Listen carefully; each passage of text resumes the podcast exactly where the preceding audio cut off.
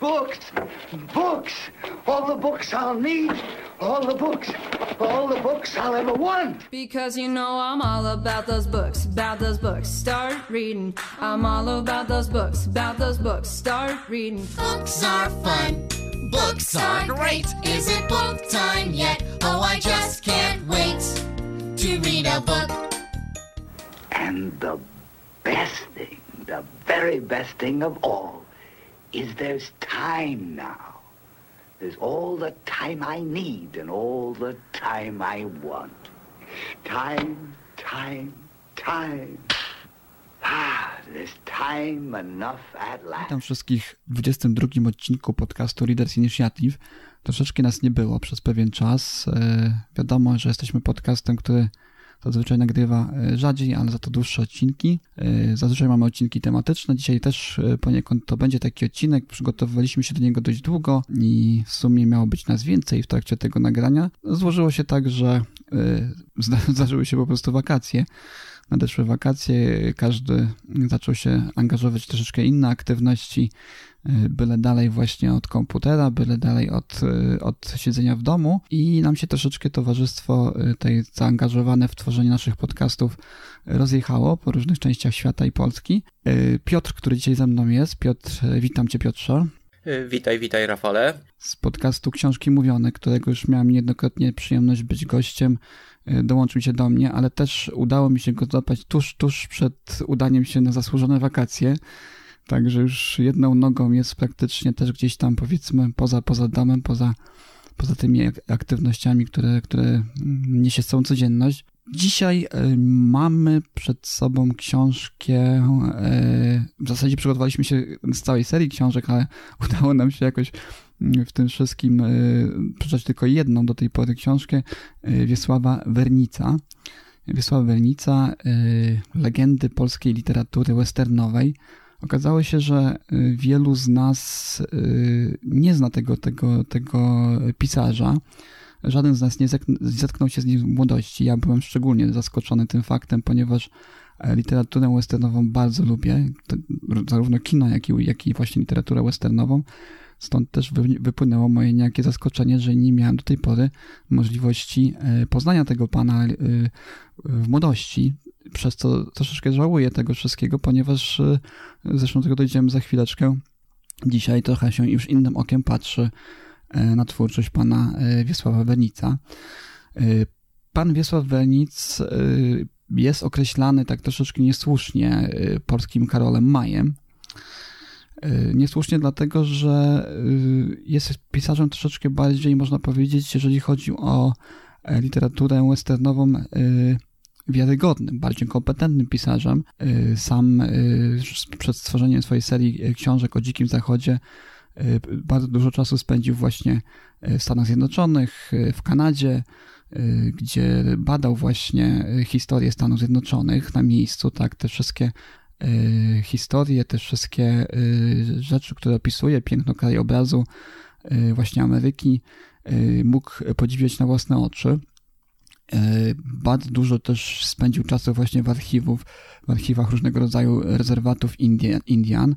dlatego też y, ukazanie Indian w jego książkach jest zupełnie inne niż właśnie w tych, które pojawiały się w tej epoce, bo mówimy tutaj, tutaj o latach, a w zasadzie o przestrzeni lat od, od roku 65 do lat 90., kiedy się właśnie ukazała ostatnia z książek y, Wiesława Wernica. No może ty może coś, Piotrze, na sam początek o tym powiesz, co, co ty myślisz o, o, o literaturze tak ogólnie, o, miałeś styczność może z nim wcześniej, czy, czy tak jak ja po raz pierwszy sięgnąłeś już teraz w tym okresie, kiedy jesteśmy dorośli? Nie, nie, nie. Ja w, y, zaczytywałem się w nim w mojej młodości i, i wtedy to porównanie do Karola Maja wydawało mi się adekwatne, bo to rzeczywiście książki były, mm, wydawało mi się, podobny temat opisują, ale oczywiście Wiesław Wernic y, jest lepszym pisarzem i lepszy, lepiej oddaje y, sprawiedliwość historii Indian. Chociaż muszę powiedzieć, że z tą historią też nie jest u niego za dobrze. Ja bym uszeregował ich tak, że najgorzej wypadają właśnie książki Karola Maja pod względem i literackim, i historycznym. Później się plasuje właśnie Wiesław Wernic, a najlepiej według mnie pod względem właśnie historycznym i oddawania sprawiedliwości to jednak Alfred Szklarski y, ze swoją trylogią Złotogór Czarnych najlepiej, najlepiej wypada, nie? To jest taka ciekawostka, że wydawałoby się, że im ludzie dawniej żyli, to powinni wiedzieć więcej o przeszłości, bo ta przeszłość jest ich bliżej nich, ale tak naprawdę jest bardzo często po jakichś wydarzeniach ludzie znają propagandę. Dopiero po latach, e, tak jak my żyjemy, historia została dokładnie sprawdzona i my dzisiaj mamy lepsze dane, wydaje mi się, niż e, miał Wiesław Wernic. Wydaje mi się, że jednym z problemem jest chyba właśnie to, że on Wiesław Wernic swoją pierwszą książkę, czyli Tropy wiodą przez prerię, pisał 10 lat wcześniej niż Alfred Szklarski wraz ze swoją żoną Krystyną pisali trylogię Złotogór Czarnych. Mhm. Czyli oni pisali później i wydaje mi się, że chyba dzięki temu mieli dostęp do y, lepszych danych niż on chyba miał. Tak, takie ja mam wrażenie, nie? Mhm.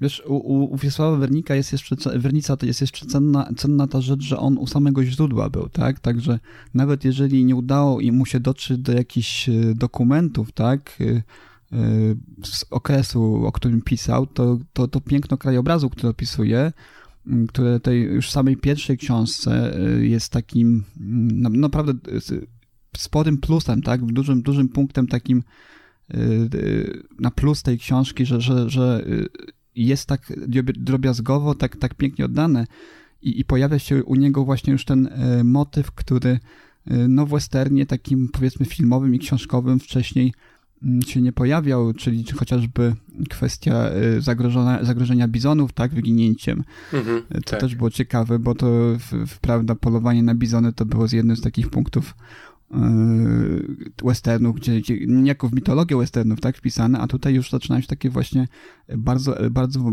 ciekawe wątki ekologiczne, które wcześniej się nie pojawiały, znaczy w tym okresie oczywiście, mamy lata 60. E, wiemy jaki western w kinach i w telewizji wtedy dominował, tak? Bonanza, Gunsmoke, to słynne seriale amerykańskie, innego rodzaju westerny. Jeszcze, jest to jeszcze ten okres, kiedy, kiedy spaghetti westerny nie stały się takie popularne, czyli takie lekko, lekko przybrudzone westerny. A tutaj takie jest, y, powiedzmy, tak jak powiedziałeś, ta, gdzieś, gdzieś po środku, tak? Y, Wernic się plasuje z tym westernem. Taki jeszcze nie ten brudny western, który znamy współcześnie, tak? Jeszcze nie ten y, westerny Cormaca McCarthy'ego, czy też Larego McMartiego chociażby, tak? ale już, już ten taki western troszeczkę bardziej poważny, tak? Nie ma takiego mm, typowo przygodowego sznytu, tylko taki bardziej, powiedzmy, mm, przyziemny bardziej bym powiedział, tak? Jeżeli coś się dzieje gdzieś tam, powiedzmy, to nie ma takich sztampowych, y, zwykłych rozwiązań. Zresztą samo podejście do, do opowieści, do narracji y, Wenica jest też nietypowe, ponieważ on łączy w, y, w swoich westernach, w swoich książkach, łączy literaturę kryminalną z westernem, co też jest ciekawym zabiegiem, też, też, też nietypowym i, i trochę, trochę odbiegającym od tego, od tego co, co jest w typowym westernie.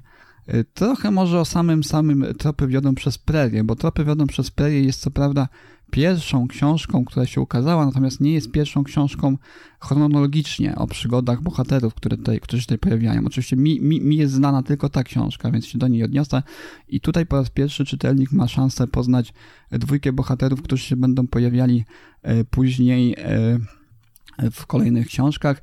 Jest tutaj fajny taki e, trik narracyjny, który ja bardzo lubię w książkach, czyli e, doświadczony, prawda, mistrz, tak, i uczeń zielony, świeży, który dopiero poznaje arkana pewnego rodzaju sztuki. Tutaj mamy doświadczonego trapera, Karola Gordona, który no, w wyniku okoliczności pewnych zostaje ranny, trafia na stół operacyjny, na, na stół lekarski młodego doktora Jana, tak? Który gdzieś tam tylko o, o tych dzikim zachodzie słyszał z opowieści, właśnie też powieści jakichś tam groszowych, gazet i tak dalej, który też ma taki e, w głowie wyrobiony mit, mniej więcej taki, jak, jak, jaki, jaki może być mieli być może mieli czytelnicy właśnie e, książek e, Wiesława Wenica. No i w wyniku pewnych okoliczności te, tego, że Jan pozwala, aby pomogli mu w wyleczeniu y, Karola Gordona z tej ciężkiej właśnie rany, którą odniósł Indianie, indiański szaman, no, naraża się na pewien ostracyzm środowiska lekarskiego, swojego mm, przełożonego, no i musi w wyniku tego opuścić, opuścić Milwaukee i udać się na prerię z właśnie z Karolem Gordonem. Tam przeżywają różne przygody, no można tak mniej więcej powiedzieć, trafiają na pewną zagadkę, tak, na, na zagadkę pewnego morderstwa, no i tropią mhm. pewną... Pew... Kryminalną zagadkę. Tak, mhm. trafiają, tropią pewną, pewną szajkę, pewną, a właściwie, właściwie pewnego przestępcę, który dokonał bardzo, bardzo złego czynu. Oczywiście gdzieś tam się w tle rozgrywają te wszystkie e, tropy, które my znamy z westernów, no bo bez tego jednak by się obyć nie mogło, czyli mamy też oczywiście yy, gorączkę złota, prawda, oczywiście mamy polowania, walkę z niedźwiedziem grizzly, prawda, indyjskie obrzędy, tutaj bardzo bardzo ładnie opisane z taką, mm, no widać ze strony autora pieczołowa, pieczołowitością, tak, takim wielkim, wielkim szacunkiem, co przypomnę jeszcze raz, lata 60., yy, gdzie bardzo taki pobieżny, bardzo stereotypowy i nawet krzywdzący jeszcze Indian western był, był w obiegu tak, w kinach. Także tu, tak się historia zazębia. Oczywiście tam zachodzą też pewne niuanse. Carol Gordon okazuje się być Mm, osobą, która jest no, w pewnym stopniu legendą tej, te, tego dzikiego zachodu. Mm, I no, oczywiście jest ta, jest ta zagadka kryminalna. I, I tutaj teraz dochodzimy do pewnego momentu, do tego momentu, w którym ja powiedziałem wcześniej, że żałuję, że nie miałem przy, przyjemności poznać e, prozy mm, Wiesława Wernica wcześniej, ponieważ narracja jest taka powiedziałbym, mało zaskakująca, bo, tu, bo mimo tego, że mamy kryminał, to, to nie trudno się domyślić, o co w tym wszystkim chodzi, tak? Oczywiście tutaj autor próbuje meandrować gdzieś tam między, między, między różnego rodzaju zwrotami akcji, ale, ale no jeszcze niestety już, już, już jesteśmy troszeczkę za bardzo wyrobionymi czytelnikami, żeby tutaj dać się zwieść takim właśnie sztuczkom narracyjnym i stylistycznym, jakie stosował wtedy Wiesław Wernic. No i pozostaje co? Pozostaje, pozostaje tylko zachwyt tym właśnie opisem y, tej, tej przygody, tej, tej, tej, tego, tego, tego w jaki sposób postrzegał właśnie doktor Jan tę, tę prerię, te, te, te Stany Zjednoczone, w jaki sposób poznaje ten Indian, właśnie ich, ich rytuały, tak? Bo poza tym no, nie pozostaje nic, nic szczególnie pasjonującego, bo myślę, że gdybym był dzieckiem, to może byłbym mniej rozczarowany, natomiast tutaj brakuje takiego, można by powiedzieć, właśnie tego, tego, tego brudu, tak? Do, który, który, który ja już tak polubiłem w tych współczesnych westernach, tak?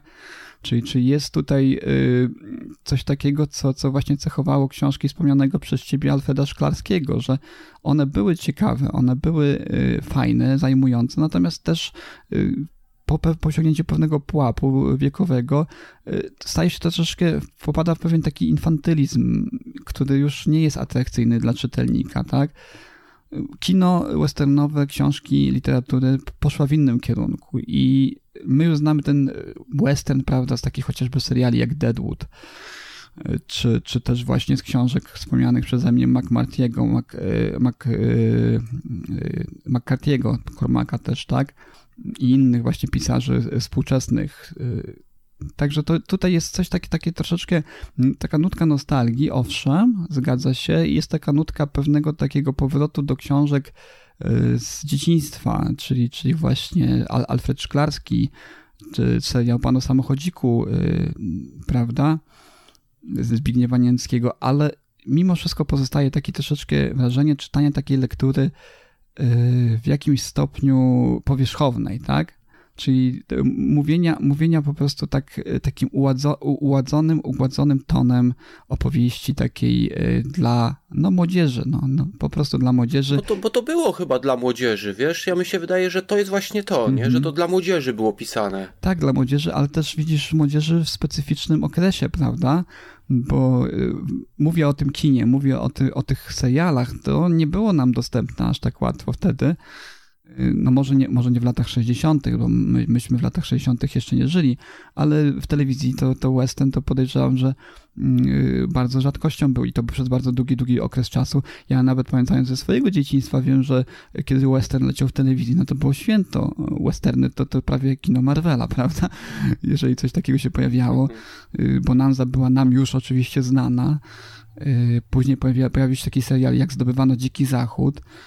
A wydaje mi się, nie wiem czy się ze mną zgodzisz, y, Piotrze, że y, najbliższy klimatem, może nie pod kątem y, sposobu, w jaki, jaki jak ukazany jest Dziki Zachód, najbliższy klimatem chyba temu, tego, co natrafiamy na, na książ w książce Wernica, to jest, to jest domek na prerii, tak powiedziałbym. To jest ten sto, stopień mniej więcej u, uładzenia tego, co, co, co, do, co jest nam dawkowane, jeżeli chodzi o, o, o tę książkę. To znaczy, wiesz co, y, ja się zgodzę z tym, że rzeczywiście ona jest taka infantylna momentami, ale to wydaje mi się, że jest spowodowane właśnie tym, że ona była pisana dla młodzieży.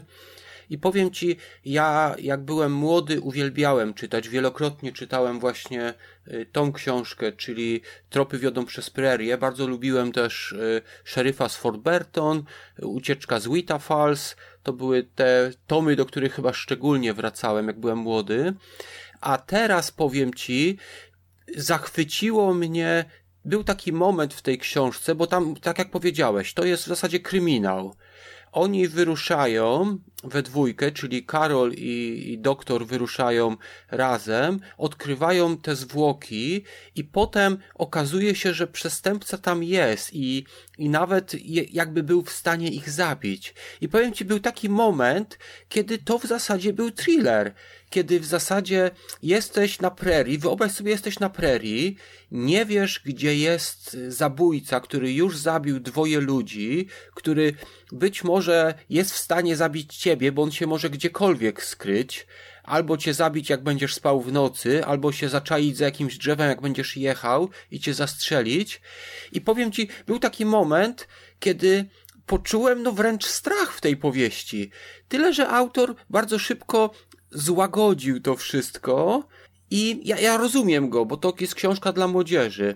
I powiem ci, no troszeczkę szkoda mi było, że, że gdyby, wydaje mi się, że gdyby książka była pisana dla dorosłych, to można by rozwinąć ten straszny wątek. Bo Dziki Zachód, który my znamy z filmów, to jest w zasadzie my lubimy to oglądać, te pojedynki i czy inne rzeczy. Ale tak jak powiedziałeś, to był brudny, i bardzo zły, bardzo złe miejsce, gdzie w zasadzie bardzo łatwo było kogoś zabić. Było zabić bez żadnych konsekwencji. I, i to było straszne miejsce pod tym właśnie względem, że człowiek, którego spotykasz na prerii, może się okazać twoim mordercą. Jeżeli na przykład stwierdzi, że masz konia czy coś, co on chce i, i po prostu ci, ci to zabrać, mm. nie? Jeżeli puści cię bez konia, no to mo możesz się cieszyć, że cię nie zabił, nie? Bo w zasadzie najprawdopodobniej zabije cię zabierze ci ko twojego konia. E, także, mm. Także zgadzam się z tym zarzutem. Troszeczkę było mi szkoda, ale z drugiej strony mówię, ja rozumiem, bo to było wydaje mi się dla młodzieży pisane i pamiętam, że jako, jako młodzież, jak byłem młody, ja bardzo, bardzo, bardzo mi się podobały te książki, nie? No to ci zazdroszczę bardzo, że, że, że miałeś okazję wtedy poznać. Ja, ja nie wiem, dlaczego mnie to ominęło. Ja bardzo western, westerny lubiłem zawsze i do, do, tej pory jest to, jest to mój ulubiony gatunek. Żałuję, że nie powstaje więcej e, kina teraz westernowego, bo, bo no brakuje mi po prostu tego. Mm, liczę, liczę, liczę na, ten, e, na, ten, na tę właśnie e, pojawienie się Deadwood. Ja nie wiem, czy to się już pojawiło w HBO jakaś kontynuacja w postaci pełnometrażowego filmu. Nie wiem, czy ten serial jest ci znany. Oglądałeś go? Y, słyszałem o nim, wiesz, ale nie widziałem, nie widziałem. No to, no to warto, żebyś sobie obejrzał. Jeżeli tylko znajdziesz okazję i, i czas, to, to obejrzysz, bo to jest właśnie taki dziki zachód, o, o jakim wspomniałeś. Natomiast wiesz co, to, to, trochę jednak mimo wszystko tego, o czym, o czym y, mówiłeś, jest w tej książce, bo to pokazuje mimo wszystko, że, że Dziki Zachód nie był fair miejscem, nie był miejscem, którym można było mm, być, y, czuć się bezpiecznym, tak? I, I tutaj właśnie bardzo fajnym jest zastosowanie zabiegu, że obserwujemy właśnie i jesteśmy świadkami tych wszystkich wydarzeń oczami właśnie mm, lekarza Jana, tak? To w ogóle ciekawe jest też i dość specyficzne dla książek Wernica, że bohaterowie książek, książki w ogóle mają takie spolszczone imiona, prawda? Większość z nich, czyli jest Jan. Ja nie wiem, czy w ogóle Jan gdzieś to było wytłumaczone, czy on jest jakiego, jakiegoś rodzaju pochodzenia polskiego, czy nie. Chyba nie. Wydaje mi się, że to jest po prostu John. u, u, u to jest Jan, tak samo zresztą Carol Gordon, tak? To pewnie, pewnie Charles Gordon. No i to tak troszeczkę y, zawsze mnie y, w tłumaczeniach zwłaszcza kłuje, kiedy, kiedy imiona są spolszczone. A mieliśmy niedawno, prawda, przyjemność czytać książki, gdzie, gdzie właśnie y, chociażby Przeminęło z wiatrem, tak, o którym omawialiśmy wspólnie, że w jednej właśnie z wersji tłumaczenia, chyba tę, tę którą ja, ja miałem, słuchałem, to właśnie były spolszczone y, imiona i to trochę tak dzi dziwnie się właśnie w korelacji z tym, że akcja się dzieje właśnie w Stanach Zjednoczonych czytało. No ale to taka akurat dygresja. Y, powiedz mi, tropy wiodą przez prerię i tu jest ten schemat właśnie powieści kryminalnej. Jest, jest tutaj jeden taki rod akcji, który mnie zaskoczył rzeczywiście, bo, bo udało się mm, zwieść mnie troszeczkę tej autorowi. Ja to nie będę może zdradzał, bo od razu dodamy, że książki te wszystkie są dostępne i są wznawiane. Tutaj właśnie rodzina y, spadkobiercy Wiesława Wernica dbają o to, by y, te książki były dostępne. Niedawno właśnie pojawił się cały pakiet w super promocji e-booków. Ich jest chyba łącznie chyba z 30, mhm, o ile tak. mnie pamięć nie myli. Naprawdę 20, sporo ich jest. 20 książek jest, 20 książek, które powstały na, na prze, prze, przestrzeni 30 lat. E, także e, jest tego sporo, dostęp jest e, dość dobry. Nie wiem, jak, jak to jest w przypadku książek papierowych, bo, bo ja sam posiadam e-booki. Nie ma audiobooków, przynajmniej nic mi o tym nie wiadomo, żeby takowe powstały. Natomiast pytanie do ciebie. Nie wiem, czy pamięć ci jeszcze ten pomoże w tym. Czy pozostałe książki są też utrzymane właśnie w tym tonie takiego quasi kryminału? Bo Zastanawiam się, jakiego rodzaju jeszcze zagadki można wymyślić. Wiesz, ja wiem, że są e, twórcy zdolni. Ja tutaj bym wskazał chociażby Stevena Saylora. Nie wiem, czy, czy jest jakiś autor znany, który swoją całą y, cykl książek, na przykład Roma Suproza to się nazywało, oparł na antycznym Rzymie, tak, gdzie, gdzie wszystko się rozgrywało w Rzymie. Był Gordianus poszukiwacz, taki powiedzmy archetyp detektywa, który gdzieś tam w rozwiązywał zagadki kryminalne, które w jakiś sposób się zawsze zazębiały z tymi najsłynniejszymi wydarzeniami historycznymi. Pojawiały się tam postaci właśnie takie jak Juliusz Cezar czy Cyceron, są tacy autorzy, którzy fajnie umieją e, właśnie połączyć pewnego rodzaju prozę, czyli taką powiedzmy powieść historyczną z kryminałem, w tym przypadku western z kryminałem. Czy pozostałe e, książki z cyklu to też są takie właśnie, e, idą właśnie tym samym torem, którym były, którym były tropy, przez, tropy wiodą przez prerię. To znaczy, wiesz co, ja nie pamiętam ich wszystkich, z tych, które pamiętam, to rzeczywiście tak było, że y, to prawie za każdym razem był jakiś kryminał.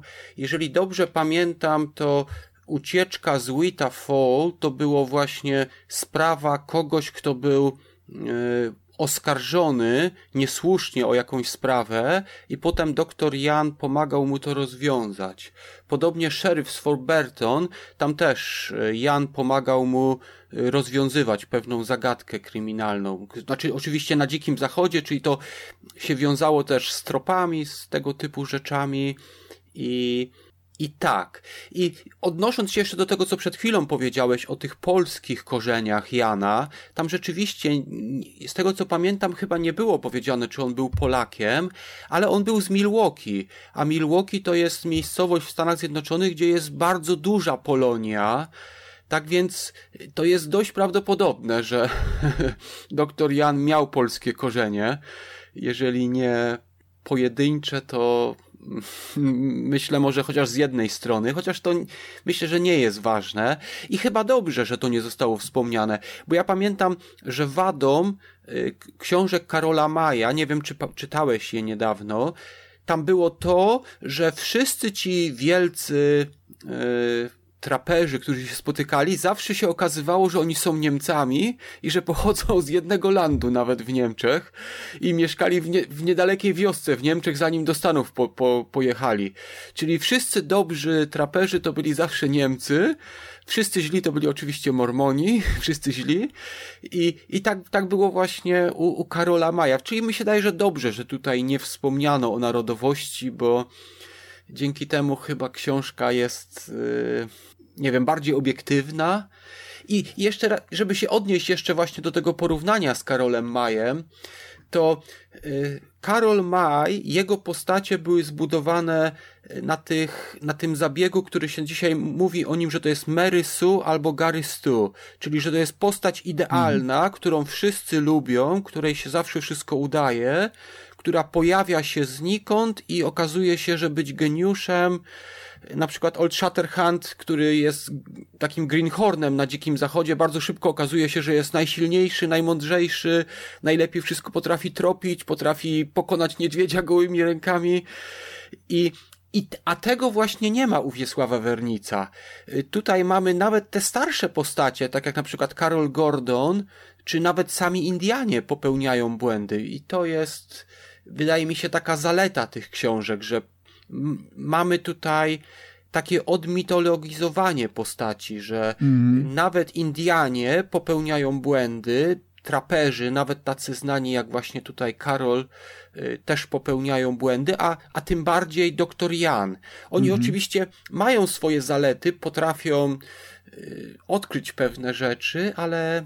Mm, i to, to jest właśnie ta dobra rzecz, którą ja bym właśnie, jeżeli ktoś się na przykład zraził do Karola Maja, to u Wiesława Wernica to wypada o wiele lepiej, nie? Mhm, tak, nawet, nawet można by powiedzieć, że praktycznie każda z tych postaci, nawet złoczyńcy, e, popełniają błędy i, i, i pewien tutaj jest taki fajny motyw z kawalerią, tak? Słynną kawalerią, która zawsze nadciąga, kiedy kiedy jest mhm. potrzebna i tutaj też właśnie cały taki wątek jest pokazany, że ta kawaleria wcale nie była taka y, chojracka, jakby się mogło wydawać. I tutaj mm, powiedziałbym, że jeżeli coś, jaka, jakaś pozytywna postać jest przedstawiona troszeczkę takim, powiedzmy, mm, negatywnym świetle, to właśnie ci popełniający błędy i dający się nabrać y, y, żołnierze kawalerii. Taki kapitan jest tutaj, zwłaszcza czy major, który, który no, przeżywa właśnie mhm. później bardzo wielkie katusze moralne, również nie tylko fizyczne, ponieważ dał się wciągnąć w zasadzkę, no i został spętany, pojmany przez złoczyńców, uratował go, uratował go właśnie mm, Karol Gordon i, i Jan tutaj. Masz rację, du dużo takich właśnie sytuacji, które mimo tej takiej infantylności, o której wspomniałem, to miałem momenty, że faktycznie e, bałem się, mogłem poczuć pewną taką zaniepokojenie tym, tym że coś może się bohaterom autentycznie przydarzyć. Jeśli nie śmierć, to na pewno jakaś, jakaś e, poważna szkoda, uszczerbek na zdrowiu. E, wspomniałeś mhm. właśnie tej, o tym, że, że właśnie Shatter, Old Shatterhand mógł, mógł, mógł wiesz, wszystkich pokonać, niedźwiedzia Grizzly i, i, i w ogóle. Tutaj też jest taki właśnie wątek, no nie mogę oczywiście zabraknąć z Niedźwiedziem Grizzly, to też jest pokazane bardzo fajnie, że, że Niedźwiedź Grizzly to naprawdę była yy, mocarna, yy, mocarny przedstawiciel właśnie właśnie fauny dzikiego zachodu, z którym się trzeba było, trzeba się było liczyć, tak? To jest, to jest, to jest też bardzo, bardzo, bardzo cenne, jeżeli chodzi o, o, o tę książkę. Dużo rzeczy właśnie, tak, tak jak mówimy, no jest, jest dużo rzeczy na plus, mimo tej pewnej takiej patyny, którą no pokrywa się pewnego rodzaju literatura, tak? Ta literatura młodzieżowa, która była skierowana do, do, do nastolatków, powiedzmy w latach 60., 70., 80., to już nie jest ta, ta, ta literatura, która trafi dzisiaj do nastolatków. Chociaż kto wie, no mo, może, może mm, w jakiś sposób. Natomiast y, do nas y, jest już gorzej. My, my jest, jest taka pewna nutka nostalgii w tym, tak? Kiedy się to czyta, bo, bo jest to ten klimat właśnie, nawet narracyjnie, tak czuć ten taki y, ulotny smaczek właśnie literatury z tego okresu, czyli Szklarski, Nienacki, prawda? Y, trochę tam powiedzmy Bagdaja, czy też właśnie innych autorów z tego okresu, czuć to i to ma taki, tak podskórnie człowiek czuje, że jest w tym coś takiego fajnego, pewna taka nutka powrotu, aż by się chciało po prostu te wszystkie lata y, doświadczeń czytelniczych zostawić za sobą z takim znowu czystym umysłem do tego, powiedzmy, niewinnym trochę podejść i, i, i naprawdę mocno poczuć tę przygodę tak intensywnie, jakby się ją poczuło właśnie w tym okresie, kiedy, kiedy się powinny te książki czytać. nas osobiście w latach powiedzmy 70., 80. Byłoby to fajne, na pewno, na pewno byłoby to lepsze. Ja myślę, że po kolejne książki y, Wiesława Wernica na pewno sięgnę. Chciałbym zobaczyć, jak to się później rozkłada, bo tutaj też trzeba zaznaczyć, że to jest pierwsza jego książka, pierwsza wydana książka, zresztą wielokrotnie poprawiana. Ona się różni zresztą od tej pierwszej, pierwszego wydania, z tego co mi wiadomo, została w jakiś sposób przereagowana, prze, y, jeszcze troszeczkę poprawiona, czyli to nie jest to, co czytelnicy otrzymali y, kilka dekad temu. Ciekawą, ciekawą taką humorystyczną nieco tej ciekawostką jest to, że pierwotnie książka, y, ten nośny tytuł, bo, bo tytuł ma nośny, tropy wiodą przez prerię, to, to, to może dzisiaj tego nie, nie, nie, nie odczują dzisiejsi czytelnicy, ale troszeczkę starszy czytelnik y, zrozumie, co mam na myśli. To taka, od razu czuć taką przygodę, w tym taki, taki, taki twist jakiś w tym wszystkim, nie? Się czai. A pierwotnie książka mhm. nosiła tak. tytuł i miała być wydana pod tytułem y, Czerwona chmura. Z przyczyn dość ciekawych, y, jak na, tą, na ten okres, nie mogła się pojawić, ponieważ Czerwona Chmura y, to jest imię bohatera, tak? To jest imię szamana mhm. y, mhm. indiańskiego. Tutaj niestety mogła być interpretowana w dość taki, powiedzmy, dwuznaczny sposób. Cenzorzy, cenzorzy czasami nie wnikali za bardzo w to, czego dotyczy dany tytuł czy dany slogan, tylko w to, z czym się może czytelnikowi mm, kojarzyć. No i Czerwona Chmura oczywiście mamy okres y, PRL-u, mm, gdzie, gdzie tego typu rzeczy no, mogły być y, odbierane niezbyt pozytywnie przez władzę, przez właśnie cenzorów. Dlatego, dlatego dobrze że się stało, jak się stało, że to są tropy wiodą przez premię, bo nadal ten tytuł wywołuje jakiś taki powiedzmy dreszczyk, natomiast i zapowiedź pewnej takiej fajnej przygody, ale, ale mimo wszystko no, musiało, musiało zostać zmienione i tutaj też ciekawy taki znak czasów, coś, mhm. coś co współcześnie mhm. Mm, raczej nie występuje. Y, ty wspomniałeś o audiobookach. Y, audiobooki są, tylko że one są tylko dostępne przez Polski Związek Niewidomych i co, taką ciekawostką może jest to, że Tropy wiodą przez prerię y, tą książkę, czyli ten pierwszy tom nagrał syn autora. Tak więc no to jest fajnie sobie posłuchać pod tym względem, a są nagrane trzy, trzy audiobooki. Są, są Tropy wiodą przez prerię, Płomień w Oklahomie i w Nowej Funlandii y, w bibliotece do słuchania Polskiego Związku Niewidomych. Y, to jest jedna rzecz. A druga, jeżeli chodzi o książki, y, to myślę, że warto wspomnieć, że ilustratorem do tych książek był Stanisław Rozwadowski, on robił ilustracje także do wielu innych książek indiańskich i ostatnio zostały wznowione e, książki Wernica z nowymi okładkami, takimi bardziej fotograficznymi, ja bym powiedział. No ale jednak mi sentyment, ja, ja wolę tamte Stanisława Rozwodowskiego, te ilustracje one taki charakterystyczny sposób rysowania on miał i, i, i, ja go bardzo lubię, nie? Mimo, że ja słuchałem sobie książki, to jednak okładkę yy, w sobie, jak przeglądałem sobie okładki, to jednak mi się bardzo podobały tamte ilustracje. One, one są fajne, bo jest ilustracja na samym, na samej głównej okładce i w środku też jest y, trochę takich y, rzeczy. To były czasy, kiedy nie było dużo kolorów, także te, te okładki, one są kolorowe, ale nie mm, w takim dzisiejszym znaczeniu, gdzie masz pełną paletę barw. Tam były takie po prostu proste barwy, ale mimo wszystko wydaje mi się, że to chyba pokazuje, jak dobrym ilustratorem był Stanisław Rozwadowski, że potrafił zrobić dobrą ilustrację, mając no nie, niepełną paletę barw, czyli pracował na gorszych środkach niż dzisiaj by pracowali ilustratorzy.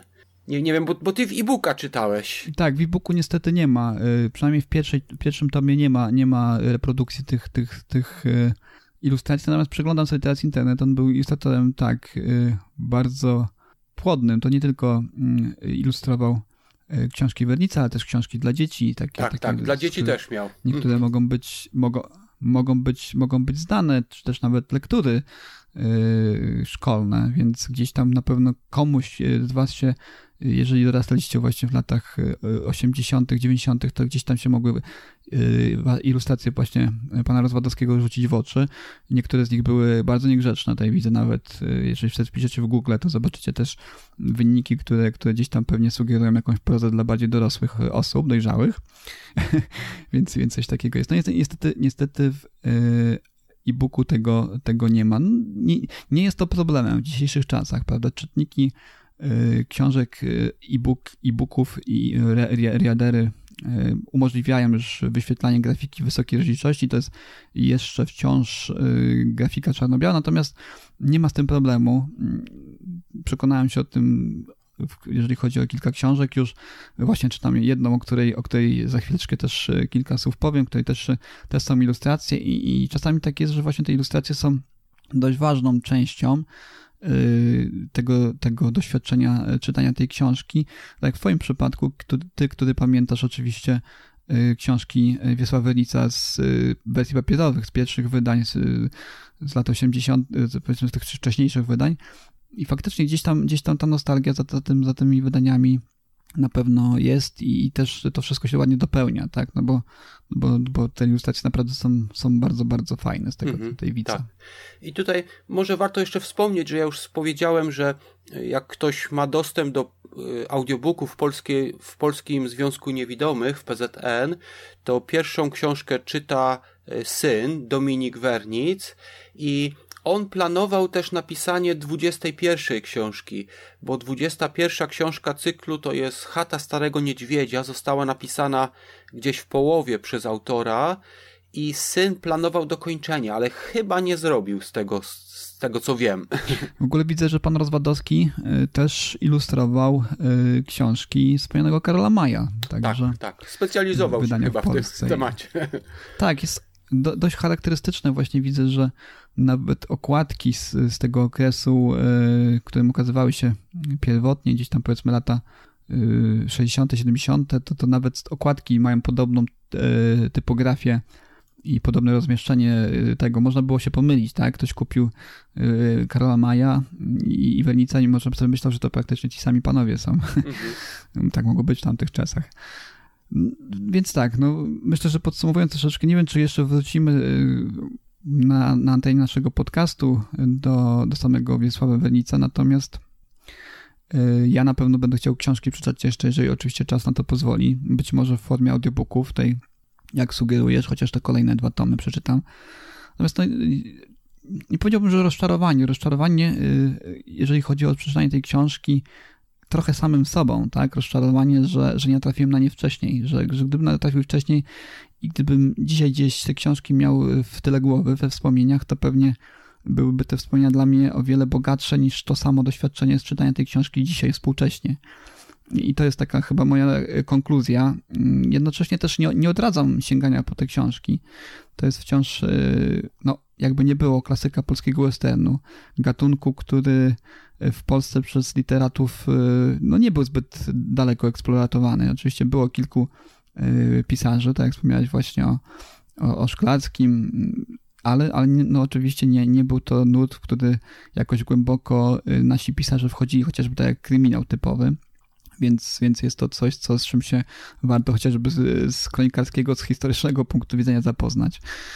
Y, a czy, czy, czy, polecał, czy polecałbym tak gorąco? No ni niestety nie. Niestety nie. Jest to, jest to jednak taka powiedzmy lekko nostalgiczna wycieczka z mhm. kilkoma plusami literacko i stylistycznie jest bardzo dobrze. Ja i mi się to świetnie czytało, bardzo obrazowo, plastycznie to wszystko jest przedstawione.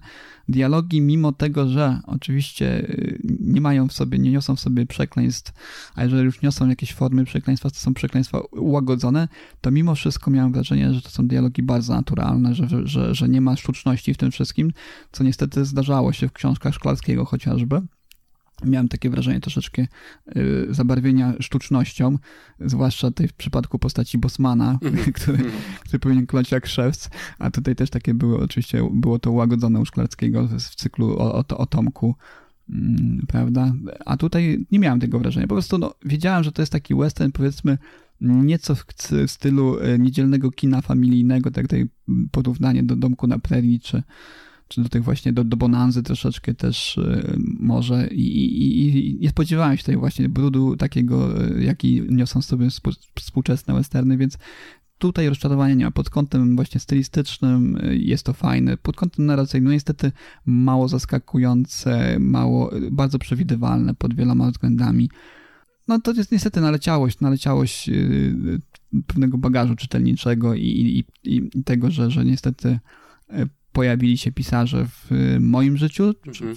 książki w moim życiu, westerny, które są zdecydowanie lepsze od, od tej książki.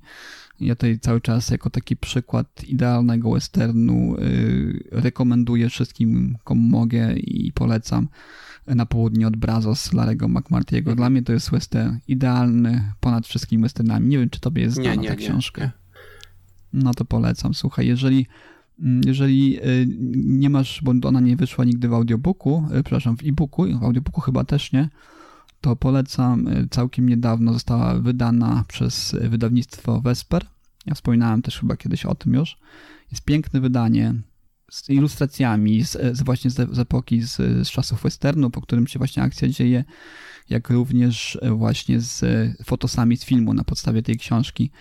Yy, polecam, książka jest super, western jeden chyba z najlepszych. Dla mnie, jeżeli miałbym mm, powiedzieć, y, jeżeli jest książka w gatunku westernu, którą miałbym porównać do takiego, no nie wiem, giganta jakiegoś, jakiejś takiej klasyki, klasyk y, westernu, to dla mnie to jest taki, wiesz, ekwiwalent, nie wiem, przeminęło z wiatrem, czy czegokolwiek y, tego kalibru po prostu, no jest to, jest to coś mocnego. No, ja muszę powiedzieć, że ja podobnie tak jak ty myślę, że ta książka była dobra, ale kiedy ja byłem nastolatkiem, teraz kiedy ją czytałem ponownie, to wydaje mi się też, że po pierwsze ona jest skierowana do młodego czytelnika i, i powiem ci, ja byłem zachwycony tym, kiedy to tak thrillerowo się zrobiło, ale potem autor to złagodził. Ja rozumiem, że on to złagodził dla młodego czytelnika, ale no szkoda właśnie, że, bo to powiem ci, z tego dałoby się napisać książkę coś ala właśnie McCarthy, to naprawdę mogłoby być naprawdę ciężki thriller, napisany coś w rodzaju to nie jest y, miejsce mm -hmm. dla mhm. starych ludzi, nie? Także ale powiem ci, mój drugi zarzut, bo to, to może to nie jest zarzut, bo młodzi, młodym ludziom to się może dalej podobać, ale mam taki poważniejszy zarzut, to jest kwestia historii. On, niby to jest książka taka proindiańska, ale powiem ci, on bardzo mało wiedział na temat na przykład bitwy pod Little Bighorn, na temat siedzącego byka. Mhm. Samo używanie słowa siuksy odnośnie Indian jest obraźliwe. Nie wiem, czy wiesz, że siuks to jest nazwa utworzona przez inne plemię Indian, które oznacza y, takie małe węże. Czyli oni po prostu przezywali ich w ten sposób i, i a sami Indianie tego plemienia nazywali się Dakota albo Lakota. Czyli samo używanie takiego słowa wskazywałoby na to, że ktoś nie za bardzo zna tą kulturę. To trochę tak, jakbyś ty pisał książkę o cyganach w Polsce i twierdził, że dużo wiesz na ich temat, a używałbyś właśnie słowa cyganie, chociaż oni przecież wolą słowo Romowie to wydaje mi się, że podobny błąd jest tutaj mm. w tym, nie? Hmm. I jak byłem no młody... Ogóle, jeżeli, jeżeli, chodzi o, te, o, te, o, ten, o ten okres i, i, właśnie Little Big Horn i, i w ogóle, no to jest tylko, wydaje mi się, jedna książka, jedna książka fabularna, zresztą zekranizowana i, i wydaje mi się, że jest ci znana ta książka, czyli, czyli e, Mały Wielki Człowiek Tomasa Bergera.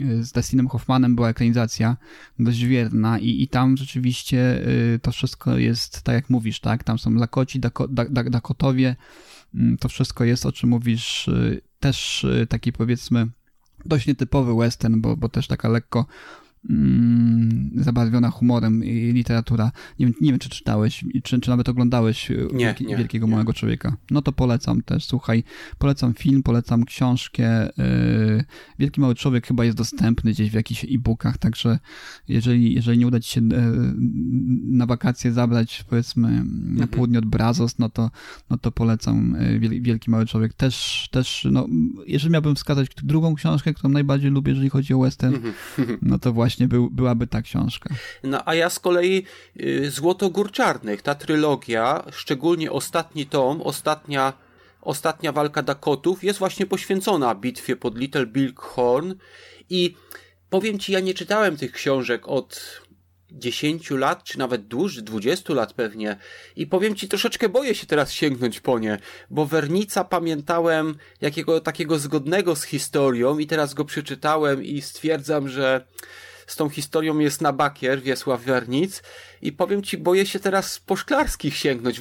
Z tego co pamiętam, wydaje mi się, że bardzo wiernie opisali bitwę, ale pff, być może moja pamięć też zawodzi w, tutaj w tym wypadku i też się okaże, że że tam było. Znaczy, tutaj jest taka wada jest na przykład, że yy, opisano tutaj na przykład, że biali ludzie brali udział tam po stronie Indian, co jest, wiesz, totalnym, totalną głupotą. To jest, to jest niemożliwe.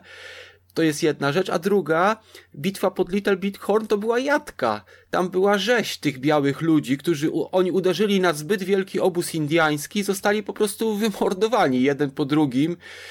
Nie mieli szans po prostu. Im się wydawało, że kawalerią przelecą przez obóz indiański, a nie wiedzieli, że tam było zgromadzenie wielu obozów w jednym miejscu i po prostu rzucili się, nie wiem, z widłami na słońce i po prostu przegrali wtedy. Caster, mm. to było, był jego błąd, tym bardziej, że on podzielił swój oddział jeszcze na trzy części i, i, i wydaje mi się, że właśnie, że w tym właśnie, że w Zło, Złotogór Czarnych, czyli w ostatnim tomie mm, Ostatnia Walka Dakotów, że tam chyba lepiej to było opisane, ale nie wiem. No jestem, jestem ciekaw twojej opinii właśnie o, o wielkim e, małym człowieku Tomasa Bergera, bo tam wydaje mi się, że, znaczy, mhm. jeżeli chodzi o moją wiedzę historyczną, bo nie, nie jestem ani, ani historykiem, zresztą y, ty, ty zawsze masz y, pewnego rodzaju y, podgórkę, że tak powiem, w cudzysłowie, z książkami, ogólnie książkami, które gdzieś tam się zahaczają bądź toczą w jakimś konkretnym okresie historycznym, bo ty zawsze widzisz te niedoskonałości, tak, niedociągnięcia z uwagi na twoją wiedzę historyczną, na tym, że się tym zajmujesz na co dzień. Ale ja, ja właśnie troszeczkę tego tak nie postrzegam, ale oczywiście zgodzę się, że, że to akurat dość, tak jak powiedziałeś, proindiańska ta książka jest i, i, i w jakiś sposób być może chcąc przedstawić Indian, oddać słuszność właśnie Indianom, e, Wernic troszeczkę na niekorzyść zadziała, przynajmniej jeżeli chodzi o, z perspektywy czasu, tak? Być może na, jeżeli chodzi na swój, o, o, swój czas, kiedy, kiedy książki publikował, no, był pewnego rodzaju e, nowomyślicielem, ponieważ mm -hmm. ukazywał właśnie Indian w takim świetle, w jakim do tej pory ich e, w literaturze czy filmie nie ukazywano. Natomiast no, w jakiś sposób historycznie gdzieś tam e, być może nie chcąc, bądź nie posiadając takiej wiedzy, bądź posiadając wiedzę niepełną lub niesprawdzoną, zakłamywał troszeczkę ten, ten wizerunek jeżeli chodzi właśnie o samego Castera, mówię, ja nie jestem specjalistą od tego, ale wydaje mi się, że bliższa historycznie i tej całej historii pod Little Big Horn, ona jest tylko częścią mhm. oczywiście y, małego, wielkiego człowieka, ale bardzo istotną częścią, jeżeli chodzi o, o, o losy bohaterów. I tam właśnie y, tytułowy Mały Wielki Człowiek y, Jack Crab chyba się nazywał, spotyka właśnie Castera i Caster jest taką bardzo zgorzkniałą postacią, yy, taką bardzo ludzką. Zresztą tam wszyscy bohaterowie mają swoje, yy, swoje takie strony, które gdzieś tam yy, odzierają ich z tego, z tego nimbu, prawda, y, tej mitologii, którą obrosły w trakcie y, tego, tego, tego, tego, tego czasu, który upłynął właśnie od tych wydarzeń. Mm, no i no, polecam, oczywiście polecam, jeżeli, jeżeli chcecie troszeczkę taki western mm, słodko-gorzki powiedziałbym, no to Wielki Mały Człowiek jest na pewno taką książką, po którą powinno się sięgnąć. Też klasyka oczywiście westernu. No wrzuciłem sobie na lubimy czytać, wrzuciłem sobie do, do chcę przeczytać mm -hmm. do listy. Mały Wielki Człowiek. Widzę, -hmm. okładka jest tutaj też właśnie z Dustinem Hoffmanem, widzę. -hmm. Bardzo fajna rola w ogóle też y, a propos tego, że, czy, czy, wielcy, czy biali ludzie walczyli po, po stronie, po stronie yy, Indian, czy nie, no to tutaj mamy taką postać, która jest białym człowiekiem, co prawda, ale w dość wczesnym etapie swojego życia zostaje y, w wyniku mhm. właśnie wydarzeń powiązanych z bitwą pod Little Big Horn y, wcielona w, w, środowisko Indian, zostaje za, zaadaptowana niejako mhm. do, do, do, do plemienia, no i pomału staje się y, członkiem tego planienia pełnoprawnym. Oczywiście nie, nie chcę ci tutaj wszystkiego zdradzać, bo to też jest bardzo fajny wątek, y, świetnie, świetnie Mhm. rozpisany, świetnie zaplanowany, więc... Wiesz co, z tego co tu widzę, opis to wygląda na bardzo historyczną, bo rzeczywiście Mhm. y, Dakotowie walczyli, zrobili powstanie, a Cheyenowie, bo tu pisze, że on był adoptowany przez Cheyenów. Cheyenowie byli wrogami Dakotów, Tak. oni pomagali Casterowi i rzeczywiście Cheyenowie, Indianie z tego plemienia, y, oni prowadzili właśnie Mhm. oddział y, Castera przeciwko Dakotom. Znaczy u Bergera jest fajne jeszcze to, że on nie wrzuca wszystkich e, Indian, prawda, jak to się zwykło czynić właśnie w literaturze, tej wczesnej literaturze westernowej i kinie, bo wiadomo, że później zaczę, zaczęto wreszcie dostrzegać te różnice, nie są wrzuceni wszyscy do jednego worka, tak? Są źli Indianie Mhm. i dobrzy Indianie. Oczywiście y, plemiona, y, tutaj też jest ten problem ukazany, y, który, który był y, niejako problemem, y, y, przyczyną, jedną z przyczyn tego, że, że, Indian, że, India, że Indianie mm, dali się niejako y, białemu człowiekowi y, tak stłamsić w tym okresie, że, że po prostu też brakowało tej zgody, prawda, y, pomiędzy tymi plemionami, tej jedności. Zresztą to, to, to, to, to sięga dużo, dużo dalej w historii jest też, prawda, do czasu pierwszych kolonistów, gdzie, gdzie taj brak, brak jedności niestety no, doprowadził do wygnięcia naprawdę wspaniałych kultur na terenie właśnie Ameryk. No niestety tak się działo i myślę, że u Bergera będzie zadowolony. Właśnie ciekaw jestem twojej opinii. Może kiedyś wrócimy w Mhm. książkach mówionych, może do tego, że gdzieś, gdzieś tam nam się uda mm, Mhm. znaleźć jakiegoś audiobooka i byśmy sobie troszeczkę porozmawiali o tym, bo to też jest jedna z moich ulubionych książek. Z przyjemnością bym sobie wrócił w jakiejś formie. Mhm. Chętnie, chętnie. To myślę, że myślę, że to tyle już dzisiaj o, o, o samym Wernicu. Powiedziałem, że to będzie luźniejszy odcinek i że tak skoro jest nas mniej, to, to sobie trochę yy, krócej porozmawiamy o, o książkach Wernica. Okazało się, że nas dwóch wystarczy o tym, żeby sobie troszeczkę porozmawiać na ten temat i, całkiem sporą część odcinka nam zajął. Yy, Zajął, zajął mu omówienie tej, tej jednej książki, ogólnie to powiedzenia kilku słów o Wernicu. Natomiast co, co byś jeszcze dzisiaj chciał zarekomendować e, słuchaczom, co czytasz, co zamierzasz zabrać ze sobą na wakacje? To znaczy, y, ja, y, tak jak pewnie wiesz, ja się zabieram za pisanie biografii takiej połączonej Stephena Hawkinga i y, jego żony Jane Hawking i w związku z tym przeczytałem chyba wszystkie biografie ich, które były dostępne, więc jakby ktoś chciał, to tak teraz chciałbym tak pokrótce powiedzieć, jak wyglądają biografie Hawkinga. Więc gdyby ktoś chciał coś krótkiego przeczytać, to Stephen Hawking napisał swoją własną krótką biografię. Po angielsku jej tytuł jest My Br- Brief History. Po polsku to jest chyba moja krótka historia. Jest to krótka, malutka książeczka, która bardzo w, w krótki sposób, taki, bo Stephen Hawking był bardzo lakoniczny, w bardzo taki krótki sposób przedstawia jego historię. Więc jak ktoś chciałby szybko poznać tą historię.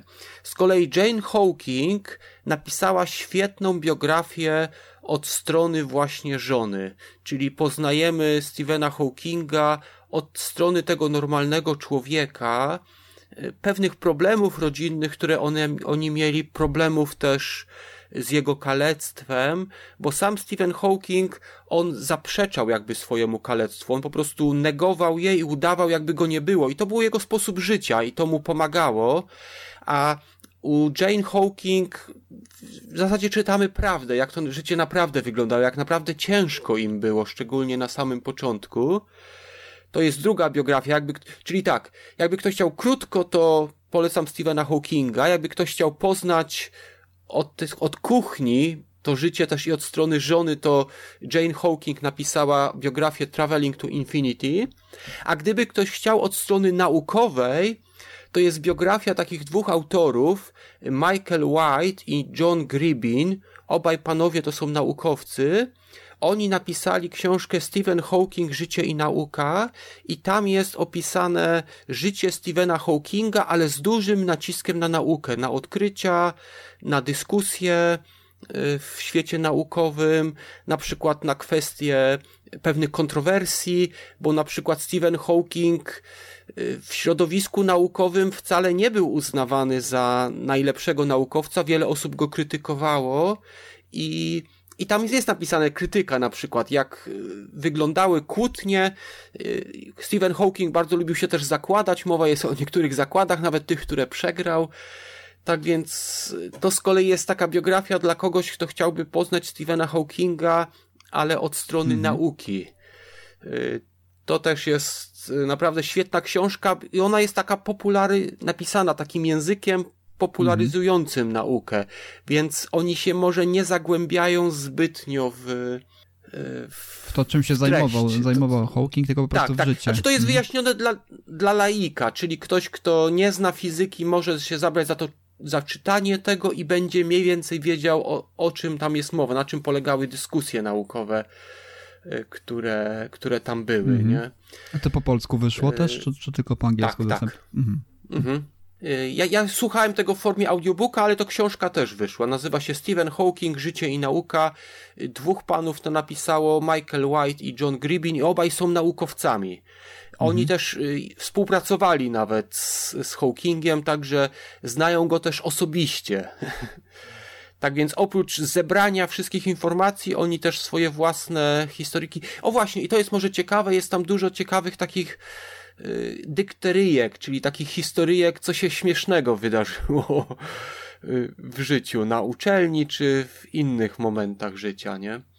Tak więc y, jest naprawdę sporo napisano fajnych książek na jego temat i myślę, że każdy znajdzie coś, coś dla siebie, a gdyby ktoś chciał poczekać, to być może mi się uda też napisać moją biografię połączoną Stephena Hawkinga i jego żony Jane.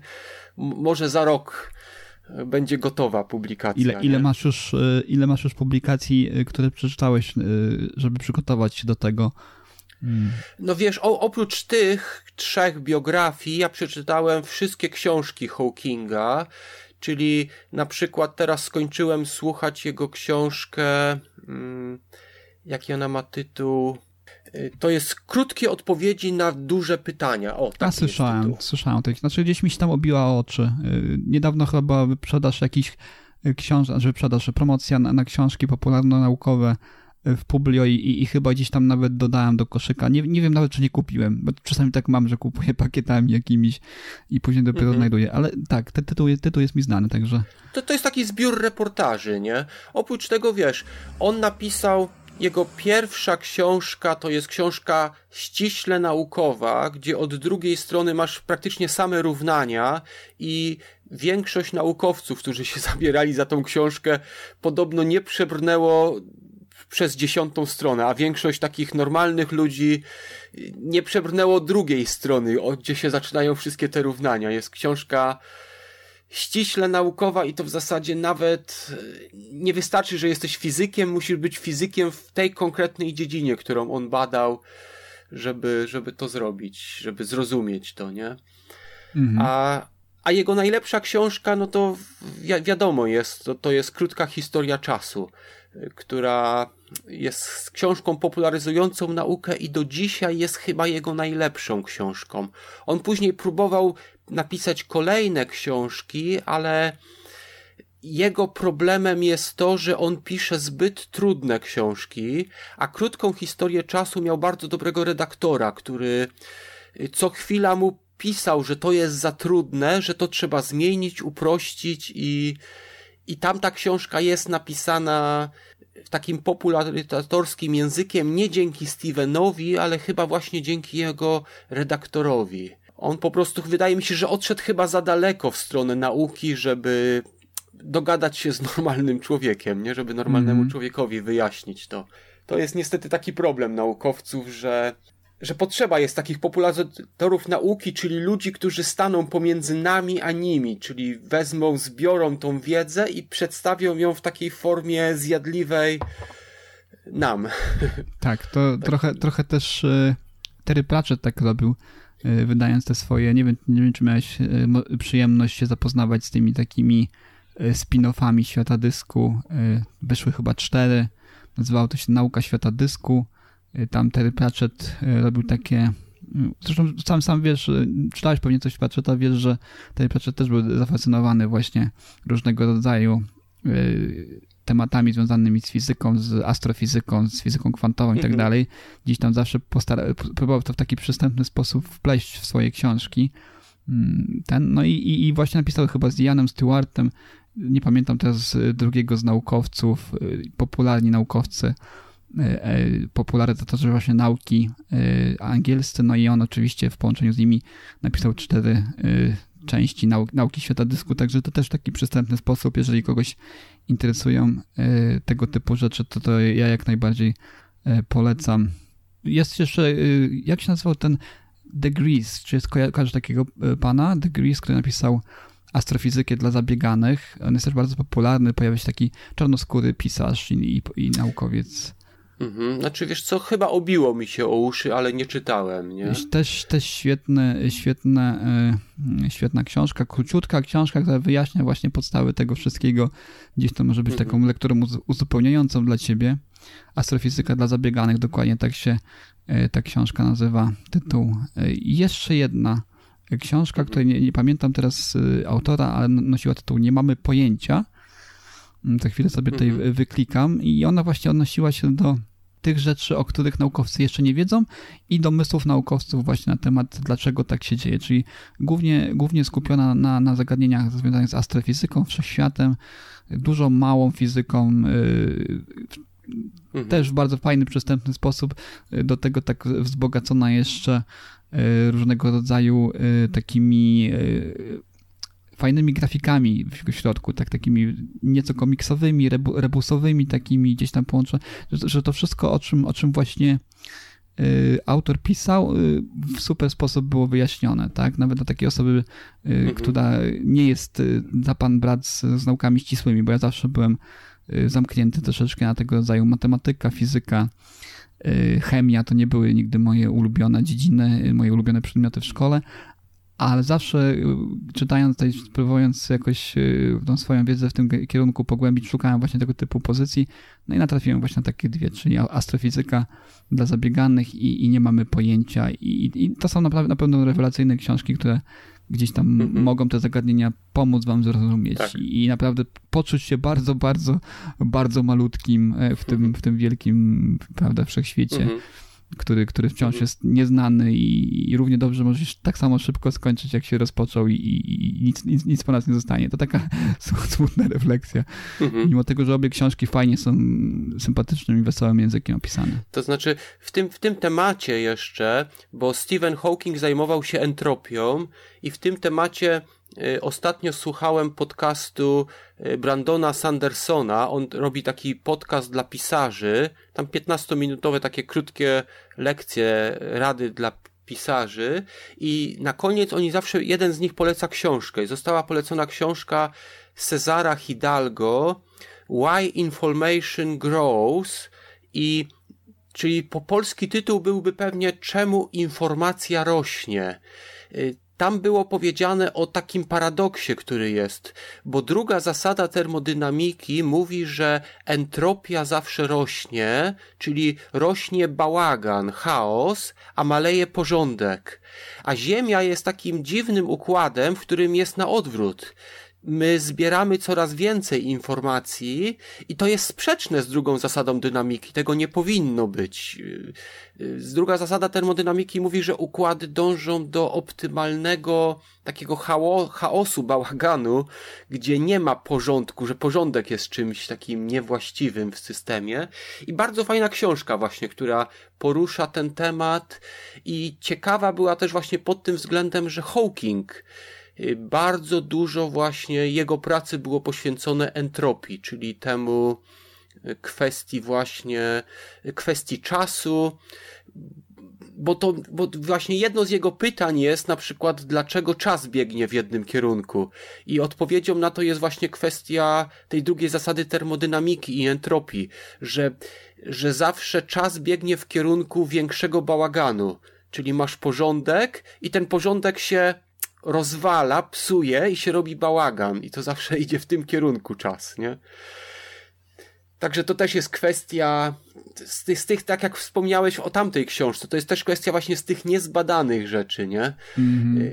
Dlaczego właśnie czas biegnie w jednym kierunku, dlaczego właśnie entropia, czyli druga zasada terma, termodynamiki tak działa i dlaczego Ziemia jest takim wyjątkowym układem, gdzie zamiast bałagan rosnąć, mamy coraz większą, coraz więcej informacji na niej, nie? Także jakby ktoś, kogoś to interesowało, to jest taka no, nowa książka niedawno wydana, Cesar Hidalgo, Why Information Grows. The Evolution of Order from Atoms to Economies.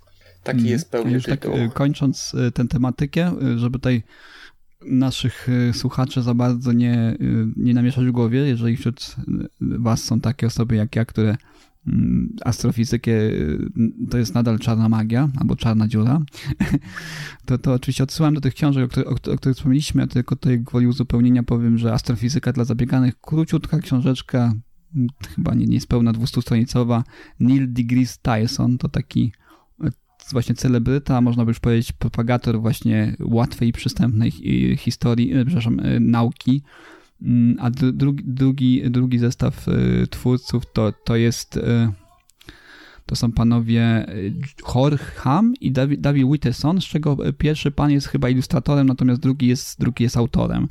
I, I to jest właśnie, nie mamy, nie mamy pojęcia, przewodnik po, po nieznanym wszechświecie. Tam mnóstwo, mnóstwo rzeczy, od, od tej najmniejszej fizyki właśnie cząsteczek, gdzieś tam aż po wielkie, wielkie historie związane ze wszechświatem, wszystko w takich przystępnych takich artykułach e, napisane, także no polecamy, polecamy troszeczkę, bo są to rzeczy na pewno ciekawe, nawet jeżeli mhm. trudne do ogarnięcia umysłem. Znaczy ja Nila Digrisa Tysona znam z jego programów telewizyjnych popularyzujących mhm. naukę. Książek nie czytałem żadnej jeszcze. Mhm. Znaczy on, nie, wiem, nie wiem, czy on wydał więcej coś, coś w Polsce, w każdym razie w każdym razie ta jest dostępna. Chyba jeszcze jedna z jego książek jest, jest też dostępna. Te, też go znam z programów telewiz telewizyjnych. E, tak, jest, jest, jest, jest więcej. Niedawno właśnie ko Kosmiczne Zachwyty jeszcze wyszła też jego książka. Podejrzewam, że w tym samym nurcie. Więc e, jak najbardziej polecamy. Przystępnie, ciekawie. Słuchaj, Piotrze, ja jeszcze, zanim skończymy, jeszcze tobie oddam mhm. głos oczywiście, tak, bo tak. wiem, że ty tam też jeszcze czytałeś coś ciekawego z takiego powiedzmy z, beletrysty, z ale całkiem niedawno mm, wspomniałem wam o tym, że, że są książki y, skandynawskiego pisarza Jonesbo, y, znanego skądinąd, prawda? Y, Jonesbo, Jonesbo mhm. znany jest z kryminałów i to, i to od razu zaznaczę, że to jest chyba w tej chwili mój ulubiony twórca powieści kryminalnej i norweski.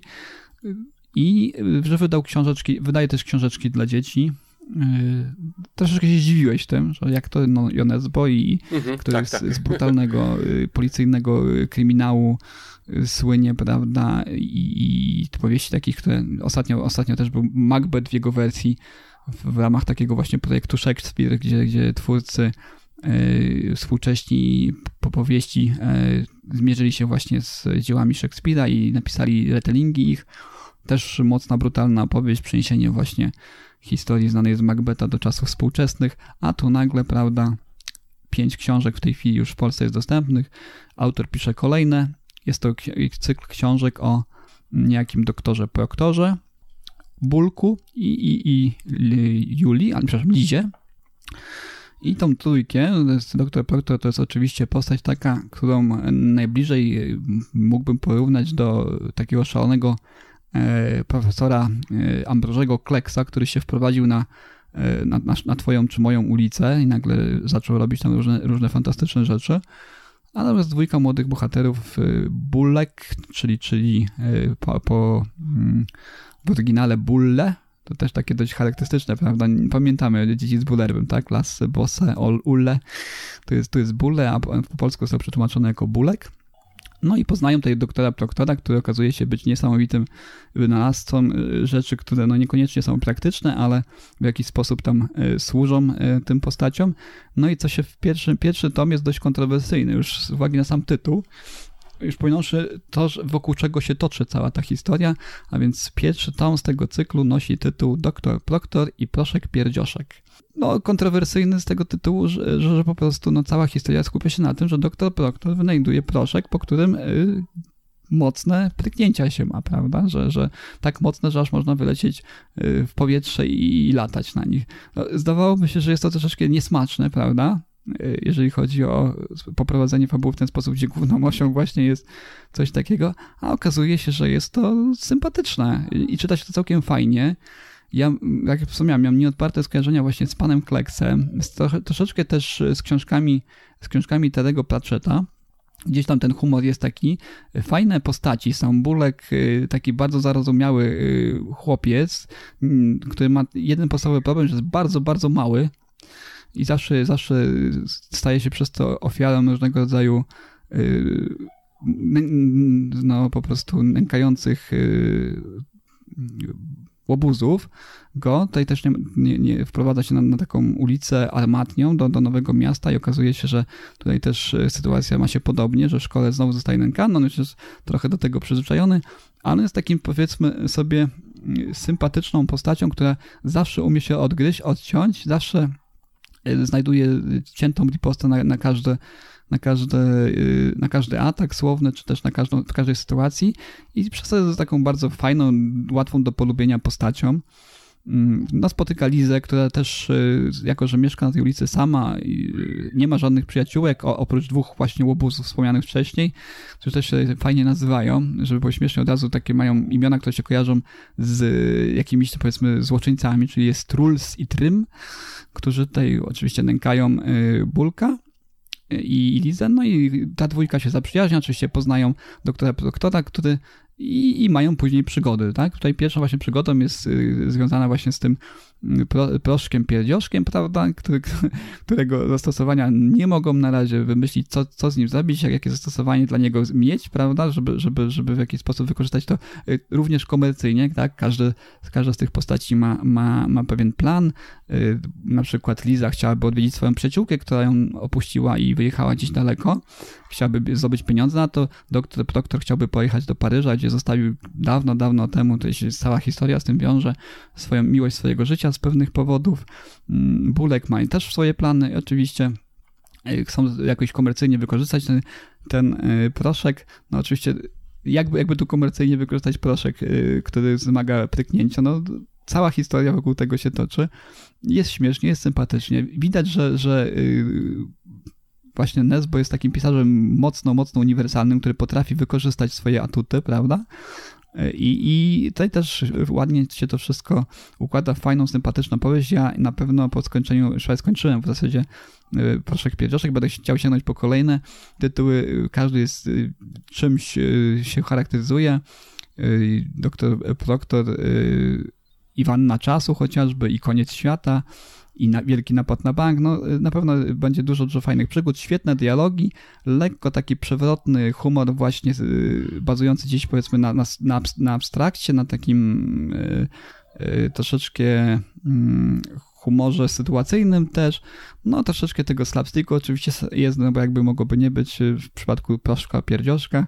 Mm, jako, że tytuł jest może troszeczkę odstręczający osobę, która, która, które, które mogą pomyśleć, no dobrze, to, to jak to książka o pierdzeniu, prawda? No powiedzmy sobie wprost. Ale z drugiej strony jest to fajnie wykorzystane przewrotnie, no i jeżeli brakuje wam właśnie tego typu literatury, to, to jest jak najbardziej coś, co, co może zainteresować was, was albo wasze dzieci oczywiście. Ja y, będę czytał dalej. Jest to jedna z nielicznych książek dziecięcych, które do mnie trafiają współcześnie.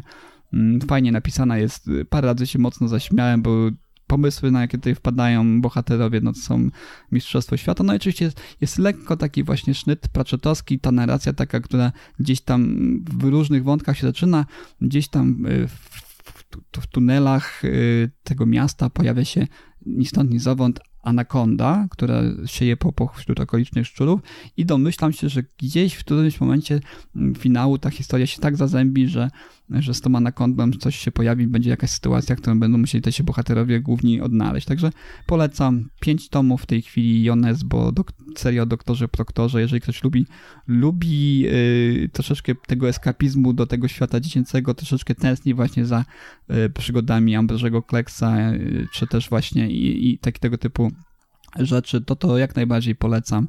Nesbo wielkie brawa, jest mistrzem kryminału, ale też widzę, że całkiem nieźle sobie radzi, jeżeli chodzi o powieść dla najmłodszych. No to ciekawe. A czytasz to dzieciom? Nie, nie czytam dzieciom. Trochę ubolewam nad tym, że nie ma tego w audiobooku. Aha. Trochę ubolewam, że nie ma w audiobooku, bo, bo tutaj by się fajnie ktoś sprawdził y, z... No nie ma, niestety nie ma, ale, ale, ale, ale mm, polecam również dzieciom, bo wydaje mi się, że mm, wiesz co, my, my dorośli z takim troszeczkę możemy trochę podchodzimy dystansem, jeżeli czytamy książkę, której Mhm. mówi się o, o, o opuszczaniu bąków, natomiast dla dzieci może być to wiesz, dodatkowo zabawne, prawda? Y, No, no, jedna, jedna rzecz, dzieci, y, nie, jeżeli słuchają tego dzieci, y, nie sądzę, ale jeżeli ktoś tego słucha lub słucha dziećmi, nie róbcie tego w domu, tak? Tych rzeczy nie róbcie w domu, Mhm. no, bo, bo może się to źle skończyć. No, no. To jak już jesteśmy w książkach dla dzieci, to ja czytam też książkę, którą Stephen Hawking napisał dla dzieci. W zasadzie wydaje mi się, że autorem jest chyba bardziej jego córka, Lucy Hawking. I razem ze swoim ojcem, czyli Stephenem Hawkingiem, napisali serię, która zaczyna się od książki George i tajny klucz do wszechświata. Jest to taka książka popularyzująca naukę dla dzieci i po prostu razem z dwoma bohaterami, z dwójką bohaterów my poznajemy wszechświat.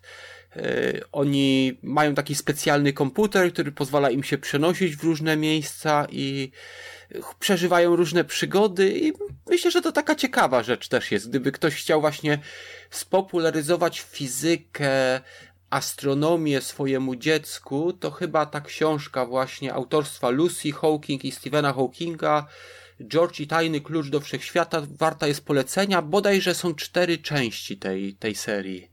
Mhm. E, To jest ten. Dobrze, Je jeżeli ja mogę jeszcze coś powiedzieć więcej, czytałem w tej chwili, książka jest e, Gillsa Miltona, nie wiem czy dobrze czytam nazwisko autora, po angielsku jest to White Gold, ja słucham sobie tej książki, po polsku tytuł to Białe Złoto.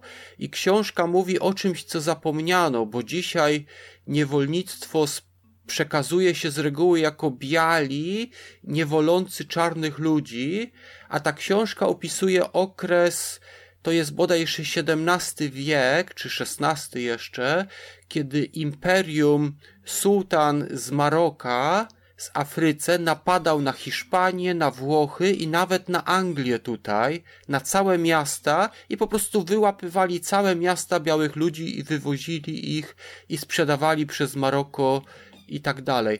Z tego co tam obliczają, to około miliona ludzi zostało w ten sposób sprzedanych. I angielski tytuł to jest pełny, to jest White Gold, The Extraordinary Story of Thomas Pillow and North America's One Million European Slaves. Czyli to jest taka zapomniana historia, którą może warto przeczytać, szczególnie gdy ktoś myśli, że to tylko biali i niewolnikami byli tylko czarni ludzie, nie? To jest taka y, pod tym kątem. To jedna rzecz. I druga, ja nie skończyłem jeszcze czytać tej książki, ale zabrałem się za Marcina Ciszewskiego najnowszą książkę Invictus. Y, To jest historia, y, jak w 1920 roku Polacy odparli y, idących Rosjan, to jest historia, co by się wydarzyło, gdyby Polacy nie odparli. Czyli mamy sytuację, że w 1920 Polacy przegrali. y, Niemieccy komuniści przywitali Rosjan, także ostatecznie cała Europa została podbita przez Rosjan i przez komunistów. Później oni podbili także Anglię i w 1943 roku, kiedy dochodzi do ataku Japończyków na Pearl Harbor, w tym samym czasie Japończycy atakują na Pearl Harbor, a Rosjanie przechodzą z Rosji przez Alaskę, a przez Atlantyk płynie flota inwazyjna na Stany Zjednoczone. I, I tam jest ustawiony taki tytułowy pancernik, który nazywa się George Washington, ale ludzie go nazywają właśnie Invictus. I ten tytułowy pancernik będzie bronił chyba wybrzeży Ameryki przed flotą e, komunistów i, płynących przez Atlantyk, ale mówię, dopiero zacząłem czytać, także zgaduję, że tak ta książka się rozwinie. Jeszcze, później, jeszcze nie czytałem nic y, Ciszewskiego, y, także nie wiem. Znaczy ja lubię ogólnie historie alternatywne, ale nie wiem, nie wiem jeszcze jak, jak on akurat wypada w tym. y, Kiedyś rozmawialiśmy Znaczy już o tym, Ciszewski pisze niezły jest. bardzo dobre y, to jest militarne science fiction, czyli tutaj, znaczy to nie jest science fiction, czyli militarna Mhm. historia alternatywna. Tutaj jest naciskiem na tą militarną. myślę, że warto położyć, bo powiedziałbym, że on nie jest jakimś bardzo dobrym autorem.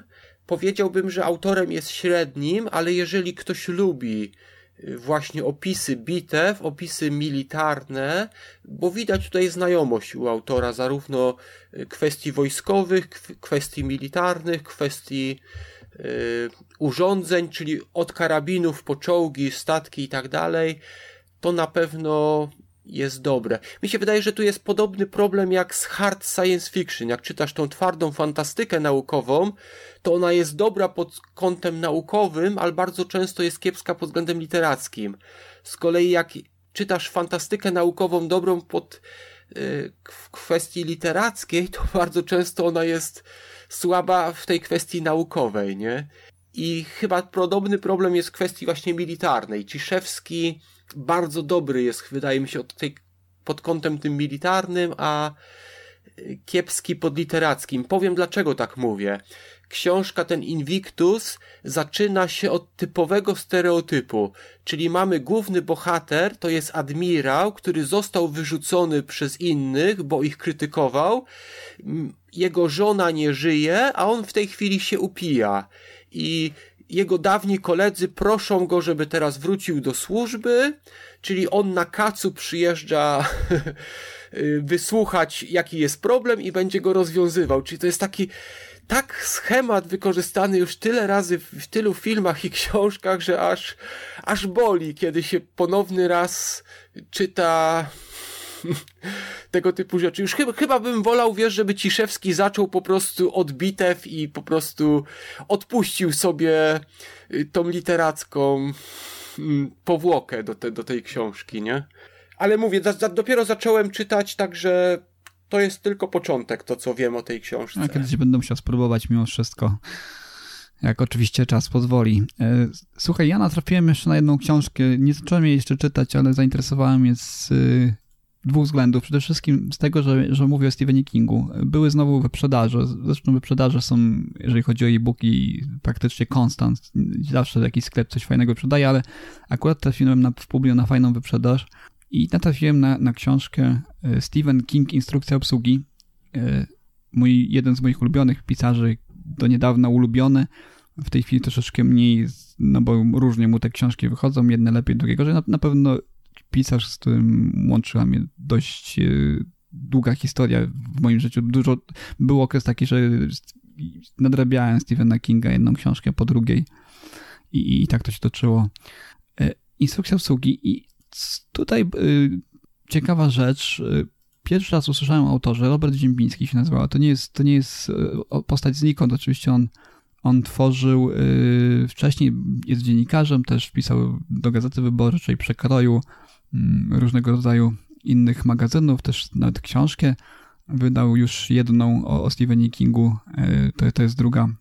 Pierwsza chyba była taka bardziej biograficzna, natomiast ta jest takim omnibusem przewodnikiem po wszystkich książkach Stephena Kinga, plus jeszcze wzbogaconym o wypowiedzi różnego rodzaju e, pisarzy innych, znanych, teraz popularnych, również polskich, e, o, o przygodzie ze Stephenem Kingiem i wpływie na ich twórczość. Znaczy, ja wnioskuję z tego, co przeczytałem o tej książce, bo jeszcze po nią nie sięgnąłem. Jest to książka ogromna, ponad 600 stronicowa. E, pojawiają się, tak jak wspomniałem, wywiady tutaj mm, z Wojciechem Chmielarzem, bardzo popularnym ostatnio, prawda, e, Robertem Schmidtem, czy nawet z pisarzami e, zagranicznymi. Jest też, jest też Remigiusz jeszcze pozostając troszeczkę przy, przy polskich pisarzach. Mm, krótkie wywiady to są bardzo zawsze fajne rzeczy. Ja lubię takie rzeczy, takie wtręty, jeżeli chodzi o tego typu literaturę. Jest oczywiście wywiad z Peterem Straubem, którego ja uwielbiam, po prostu żałuję, że więcej jego książek nie wychodzi w Polsce. Peter Straub, nie wiem czy, czy wiesz, y, napisał y, cykl w zasadzie dwóch ksiąg o Czarnym Domu, Talizman i Czarny Dom ze Stephenem Kingiem wspólnie napisali. Także mieli razem fajny, fajny, fajny epizod i bardzo mi się podobały te książki. Natomiast tutaj w tej książce Stephen King Instrukcja obsługi mamy przegląd wszystkich książek Stephena Kinga. Nie wiem w jakim stopniu jest to e, spoilerujące czy nie. Nie wiem czy to są recenzje czy nie, bo, bo tutaj akurat mam sobie otwartą e, próbkę darmową i, i w tej próbce znajduje się tylko wprowadzenie takie, także nie wiem jak to się odnosi do samych e, książek, do samych opisów książek. Natomiast jest to takie właśnie też troszeczkę leksyko, leksykologiczne z tego co widzę też właśnie, właśnie widzę, że Kali też jest, właśnie Kali, Kali, Kali niejako otwiera tę książkę. Jest tutaj, y, no widzę, że to jest cały felieton poświęcony tej książce od, od y, genezy powstania. Także o wszystkich tych książkach podejrzewam, że jest tak to samo. Y, patrząc na to też pod kątem aktualności, są to też książki, które,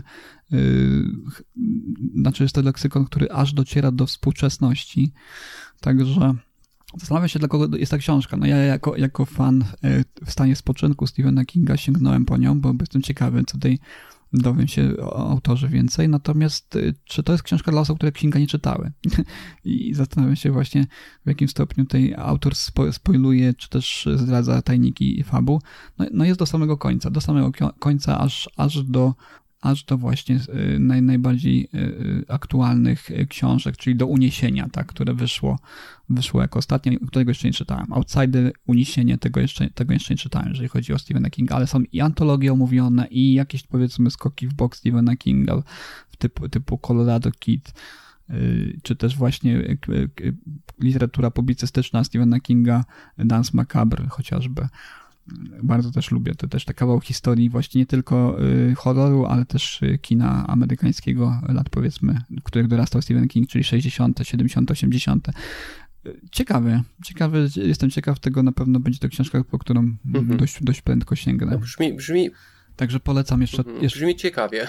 Tak, tak, polecam jeszcze to na koniec. No i cóż, i, i chyba, chyba na tym zakończymy. Czy, czy masz może jeszcze, Piotrze, jakieś e, propozycje, którymi mm. chciałbyś tutaj podzielić? To znaczy, wiesz co, my, myślę, że rzeczywiście byśmy pomału kończyli już. E, ja kontynuuję e, chłopców z Paranzy, których, o których mówiliśmy, czyli jestem w połowie drapieżnego pocałunku. Mhm. Ja jeszcze nie zacząłem. Ja słucham też mhm. bardzo dużo wykładów, nie? W tej chwili słucham wykładów o rewolucji przemysłowej w Anglii E, The Industrial Revolution. Słucham też takiego, takich wykładów The Art of Conflict Management, czyli e, sztuka rozwiązywania konfliktów.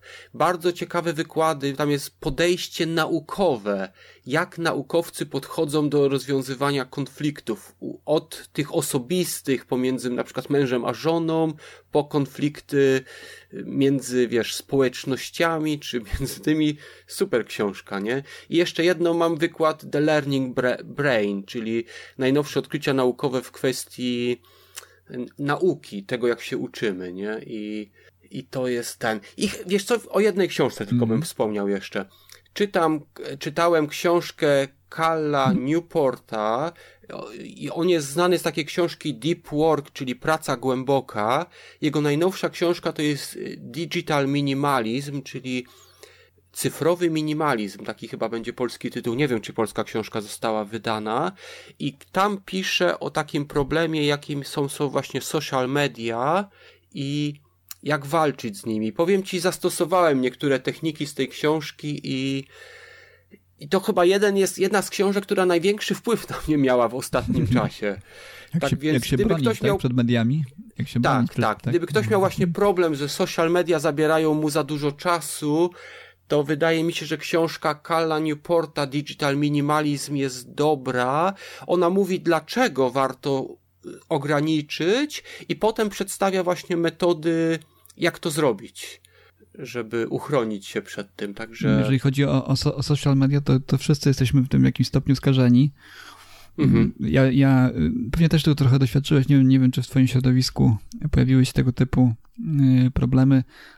W, na przestrzeni ubiegłego tygodnia, nie wiem, czy to był wtorek, czy środa, y, Facebook znowu prze, prze, przeżywał jakąś szkawkę i uaktywniły się osoby, które, którym naprawdę mm, okazuje się, że jest to narzędzie niezbędne do, do przetrwania życia gdzieś tam na równi z tlenem i, i wodą. I, i to, to faktycznie jest, jest, jest zatrważające. To, to, o czym mówisz, faktycznie książka jak najbardziej pożyteczna. E, trochę też było o tym, o tym, o tym, o tym, jak walczyć z prokrastynacją, o którą omawialiśmy. Też, też trochę tam było, jak sobie, jak sobie z tym radzić. E, drastyczne metody, w książkach mówionych rozmawialiśmy o tym. Drastyczne mhm. metody, nawet e, polegające na tym, że, że pobierało nam z konta pieniądze, kiedy, kiedy chcieliśmy zajrzeć na Facebooka. Jest, są takie aplikacje, także no trochę, trochę tego jest. Ale wiesz co, sprawdziłem, nie ma, nie ma tej książki w języku polskim, o której wspomniałeś, cyfrowe cyfrowy minimalizm, y, no szkoda, ale, ale być może po angielsku też, też się uda gdzieś tam no, ją, ją przeczytać. Mm, no dobrze, fajnie, że udało nam się jeszcze przed wakacjami nagrać. Pozostaje mi tak, tak. w tej chwili życzyć Tobie, Piotrze, udanych wakacji. I ja od razu powiem, ja tak dobrze nie mam, ale życzę wszystkim i cieszę się tym, y, y, że, że są osoby, które mogą się cieszyć tym, tym okresem. Tak życzę Tobie, życzę wszystkim słuchaczom dobrych, fajnych lektur na wakacyjnych, bo to też jest ten okres, gdzie można ze sobą gdzieś tam powiedzmy czytnik e-booka, e-booków zabrać, czy też nawet książkę w wersji y, papierowej i, i, i się po prostu cieszyć tym czasem, relaksować się gdzieś tam powiedzmy na plaży, na kempingu, gdziekolwiek. Y, także życzę Wam tego wszystkiego, dobrych, dobrych, udanych lektur. My myślę, że też gdzieś po wakacjach wrócimy z nowymi, z nowymi książkami, rekomendacjami. Jeszcze raz Ci dziękuję Piotrze. E, dziękuję słuchaczom naszym i do usłyszenia. Ja też bardzo chciałbym podziękować Ci, Rafale, za to, że e, spotkaliśmy się tutaj. Ty mówisz właśnie o tym zabieraniu. Ja rzeczywiście zabieram ze sobą mojego e-booka i tak jak na naszym kanale, tam e, właśnie na Twoim kanale w zasadzie tego nagrania Readers Initiative rozmawialiśmy, ktoś tam polecił szóstkę w RON. Mhm. Właśnie zabrałem się za czytanie tej książki i wciągnęła mnie. Także żegnam się i myślę, że może następnym razem powiem coś o, o tej książce, Szóstka Wron, którą zacząłem czytać. Dobrze, będziemy czekać na to. Ja też szukam dobrej literatury fantazy, także czekam na Twoją opinię. Jeszcze raz dziękuję, dziękuję naszym słuchaczom i do usłyszenia. Do usłyszenia. There's so many books to choose. Get on board, you just can't lose. Books expand your mind, it's true. Reading books is good for you. I love reading. Library, picking out a book, check it in, check it out. Gonna say hi to the dictionary, picking out a book, check it in, check it out. I'm going down to